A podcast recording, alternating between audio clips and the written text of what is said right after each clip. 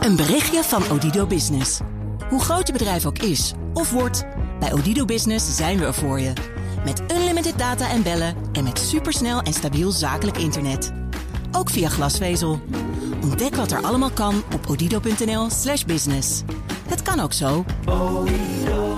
Politiek verslaggever Thomas van Groningen. Ook wel de beste verslaggever van Nederland. Gefeliciteerd, Thomas. Ja, dank, ja, dankjewel. Die prijs heb ik gewonnen. eh, Ja, van, eh, even Radio een mini-applaus hier vanuit de studio. Jawel. Ja, Applaus. dank. Dank. Ik zie, de, Eh, hele- ik- zie de redactie meeklappen, eh, Eh, Thomas. en Ja. en ik, heb, ik heb de prijs een beetje opgedragen aan mijn collega Sofie van Leeuwen... die mij eh, hier Ah. altijd doorheen sleept eh, iedere dag. Want zonder haar zou iedere bijdrage volledig in de soep lopen. Ach, nou, Neem het dat is- van mij aan. Nou, het is fantastisch. Nou, eventjes de interne vrijages daar gelaten. We gaan het even hebben over Den Haag. Thomas, zometeen Ja. gaan we natuurlijk praten over corona... en over een van jouw hobby's. Als cliffhanger, zometeen meer. Eerst toch even droevig politiek nieuws. Vanmorgen werd bekend dat oud-SGP-leider Bas van der Vlies... eh, vannacht is overleden op 79-jarige leeftijd. Hoe wordt daar op gereageerd in Den Haag? Ja, kijk, uiteraard eh, droevig wordt erop gereageerd. Deze man was lange tijd een nestor in de Tweede Kamer. 29 jaar lang was hij Kamerlid. 24 jaar als fractievoorzitter. In 2010 vertrok hij uit de Tweede Kamer. En ehm, wat wel aardig is, is dat je de boodschap die hij destijds vaak had... die hoor je de laatste tijd vaak terug in de Tweede Kamer. Namelijk, ehm, hij liet vaak merken dat hij doorhad dat het politieke debat steeds harder werd. En hij zei: Jongens, we zitten hier in een glazen huis, zo noemde hij dat. Eh, we moeten hier het goede voorbeeld geven. En hij wilde bijvoorbeeld af van grof taalgebruik in de Tweede Kamer. En hij vond dat de onderlinge verhoudingen tussen partijen, wat je ook van elkaar vond, of wat je van elkaar standpunt ook vond, moest goed zijn. En dat is iets wat de laatste tijd, ja, laten we eerlijk zijn, het afgelopen jaar in Den Haag misschien wel verzoek is geweest. En daar stond deze van de Vlies wel voor. Ja, heeft eh, de premier nog gereageerd? Ja, die heeft getweet. Hij zegt: Het verdrietige bericht van het overlijden van Bas van der Vlies brengt herinneringen boven aan een standvastig parlementariër die sterke overtuigingen bracht met kennis, mildheid en humor. En dat laatste, dat is toch wel een dingetje, want er werd ook wel vaak gelachen hier. En hij kon ook zelf ook een goede grap eh, tijdens debatten wel waarderen. Mocht de liefhebber, moet je maar even op YouTube zoeken naar de algemene beschouwing. Ik geloof 2009 kan je nog eh, je lol op met eh, Bas van der Vlies. Ja, inderdaad. Ehm mogen hij rust in vrede, zeggen wij dan. 79 jaar geworden. 79 jaar. Ander politiek nieuws van de dag. Het kabinet die heeft een draai gemaakt, en niet zo'n kleine ook, op klimaat. Nederland stopt met investeringen in buitenlandse kolen, olie en gasprojecten. Waarom, Thomas, nu ineens wel? Want eerder werd er nog gewoon ronduit nee gezegd, want demissionair. En ja, dat kunnen we echt niet besluiten. Nee, want dat is aan een volgend kabinet. Maar ja, het is wel een beetje lelijk natuurlijk. Als in Glasgow allemaal landen op die klimaattop daar zeggen... wij stoppen met investeringen in olie, gas, kolen in het buitenland. En dat lijstje landen, daar hoort Nederland dan niet bij. Dat was een beetje lelijk. Eh, Vooral ook omdat het kabinet zegt hele groene ambities te hebben. We hebben het, eh, de premier eh, met de algemene beschouwingen weer horen roepen... klimaatkampioen moesten we worden. Nou, dit is een vrij makkelijk iets waarmee je in theorie... een stapje dichting, richting eh, het klimaatgoud, zeg maar, Nou, kan, en hij was natuurlijk zelf ook in, in Glasgow nogal van de actie. En hè, we moeten. We moeten Action, action, action. ja. Ja. yes, you say it. Dus nu toch een draai. Ja, waarschijnlijk toch ingegeven door, door we moeten er toch bij zijn. En waarschijnlijk omdat aan de formatietafel ook is besloten dat het volgende kabinet dit ook wil. Dus die vier partijen, VVD, CDA, D66 en de ChristenUnie, staan hierachter. Maar ik sprak vanmiddag even Jesse Klaver, die hier al jaren om vraagt vanuit GroenLinks.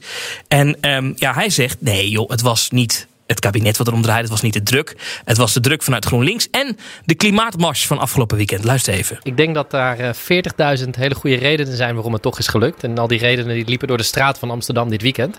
Vorige week zeiden ze vrij stevig nee, dit gaan we niet doen. Maar na de demonstratie van dit weekend was er echt geen houden meer aan. Meer dan 40.000 mensen die eisten dat het, eh, dat het snel van tafel ging. Ja, dat is duidelijk. 40.000 mensen op straat. Dat helpt. En hij zegt ook, nou ja, voor volgende demonstraties... er zijn in Nederland ook nog genoeg subsidies op fossiele brandstoffen.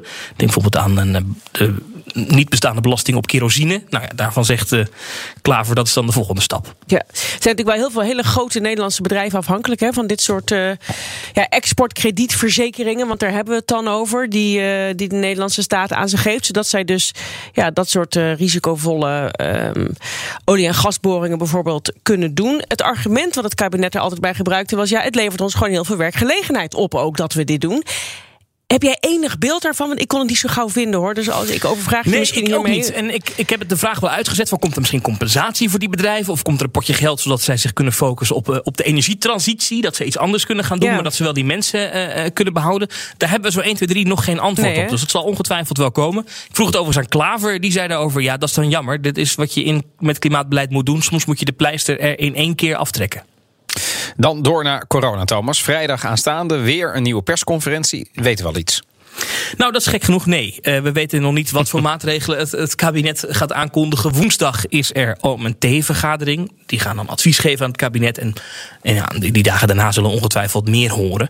Maar ehm, ja, de grote vraag is: afgelopen weekend weer een record aantal besmettingen. Ruim boven de 10.000, richting de 12.000. Eh, moet het kabinet niet ingrijpen? En waar stuurt het kabinet nu dan precies op? Hè? Want Ja. ja, komende vrijdag is het eh, nog geen week na het invoer, ingaan van de vorige maatregelen. Precies, die, die cijfers, die effecten, die kunnen natuurlijk nog helemaal niet zien. Weten we inmiddels Nee. na anderhalf jaar, coro- eh, anderhalf jaar corona.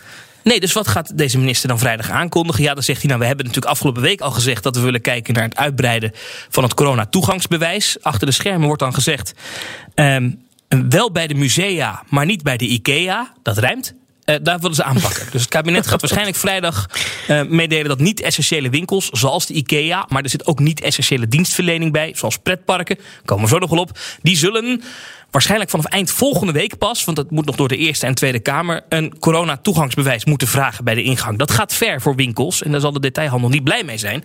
Maar is dat genoeg? Moet daar nog meer bovenop, is de vraag. Nou, daar zegt het kabinet nog niks over.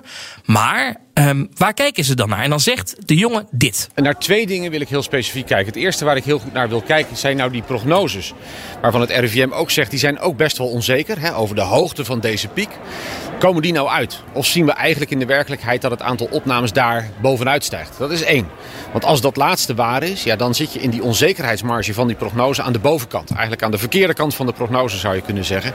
En als dat het geval is, ja, dan ontkom je misschien niet aan extra maatregelen. Het tweede waar ik op wil letten is, zien we nou ook in het gedrag van mensen dat ze de boodschap goed hebben begrepen van vorige week? Ja, hebben we de boodschap begrepen? Nou ja, dat, dat moet blijken uit gedragsonderzoeken. En ja, de ziekenhuisopnames lopen die in lijn met de prognose eronder of erboven. Nou ja, spoiler alert.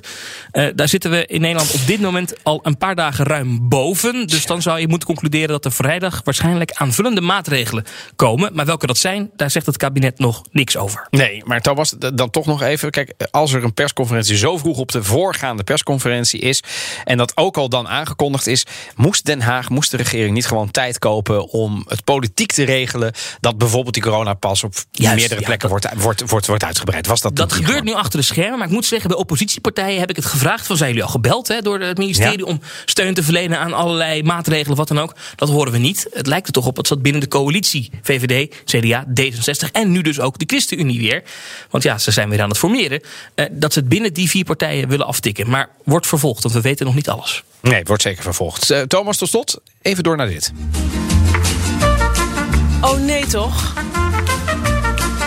Waarom dit muziekje erbij, Donatello? Dat gaat dus de rest van de dag niet meer uit mijn hoofd. Nou, dat, dat heeft alles te maken met eh, de man die we nu spreken. Het is namelijk een van de weinige momenten dat zijn twee passies, politiek en de andere P, pretparken, samenkomen. Toch, Thomas? Ja, klopt. Eh, Ja. Kort verhaal. eh, de, de afgelopen tijd hoor ik vaak hier in Den Haag vanuit het kabinet, maar ook vanuit partijen in de Tweede Kamer. Jongens, de naleving en de handhaving van die coronamaatregelen, dat moet echt beter. Want daar zit, valt nog winst te behalen. En dan kunnen we misschien voorkomen dat er extra maatregelen genomen moeten worden. Nou, wat viel dan op afgelopen weekend is de Efteling, eh, het grootste pretpark van Nederland. Grootste toeristische attractie van ons land. 2,9 miljoen bezoekers. Dus zeker geen klein bier. De drukste plek van ons land, zou je in theorie kunnen zeggen. Ja, die houden zich niet aan de coronamaatregelen. Die hebben bijvoorbeeld twee theaters in dat park, een bioscoop en een museum. En daarvan zegt het de Efteling, ja, daar hoeven wij geen coronatoegangsbewijs te vragen, want pretparken zijn uitgezonderd. Oh. Ja, dat is toch een bijzondere. Nou, we hebben dat ook aan ze gevraagd. Ze verwijzen meteen door naar de gemeente Loon op Zand.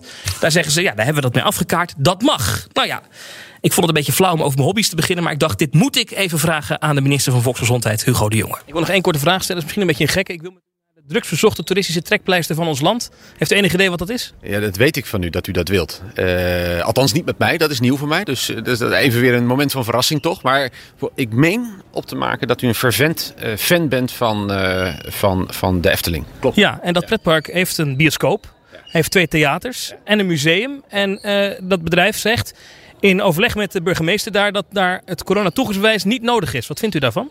Het lijkt me heel merkwaardig. Dat lijkt me heel merkwaardig, omdat bij al die toepassingen nou juist wel het coronatoegangsbewijs nodig is. Dat is één.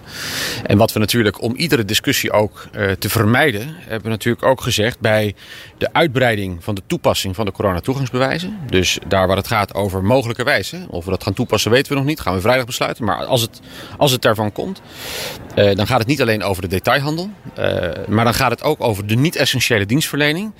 En voor heel veel Nederlanders geldt de Efteling als een vorm van niet-essentiële dienstverlening. Maar ik geloof dat u zelf daarop een uitzondering bent. U zou dat als essentiële dienstverlening willen zien. Maar toch weet ik niet of dat voldoende reden zal zijn om ze buiten de wetgeving te houden. Kortom, we gaan bekijken of we het strakker kunnen inregelen. Zodat we ieder dispuut ook uh, voorkomen daarover. Wat zou u tegen zo'n burgemeester zeggen nu? Volgens mij is gewoon op al die elementen binnen de Efteling, die ook buiten de Efteling, uh, waar dat het coronatoegangsbewijs van toepassing is, moet je dat natuurlijk ook willen laten gelden binnen de Efteling. Stoort er zich eraan dat dit soort burgemeesters op eigen houtje regels bedenken?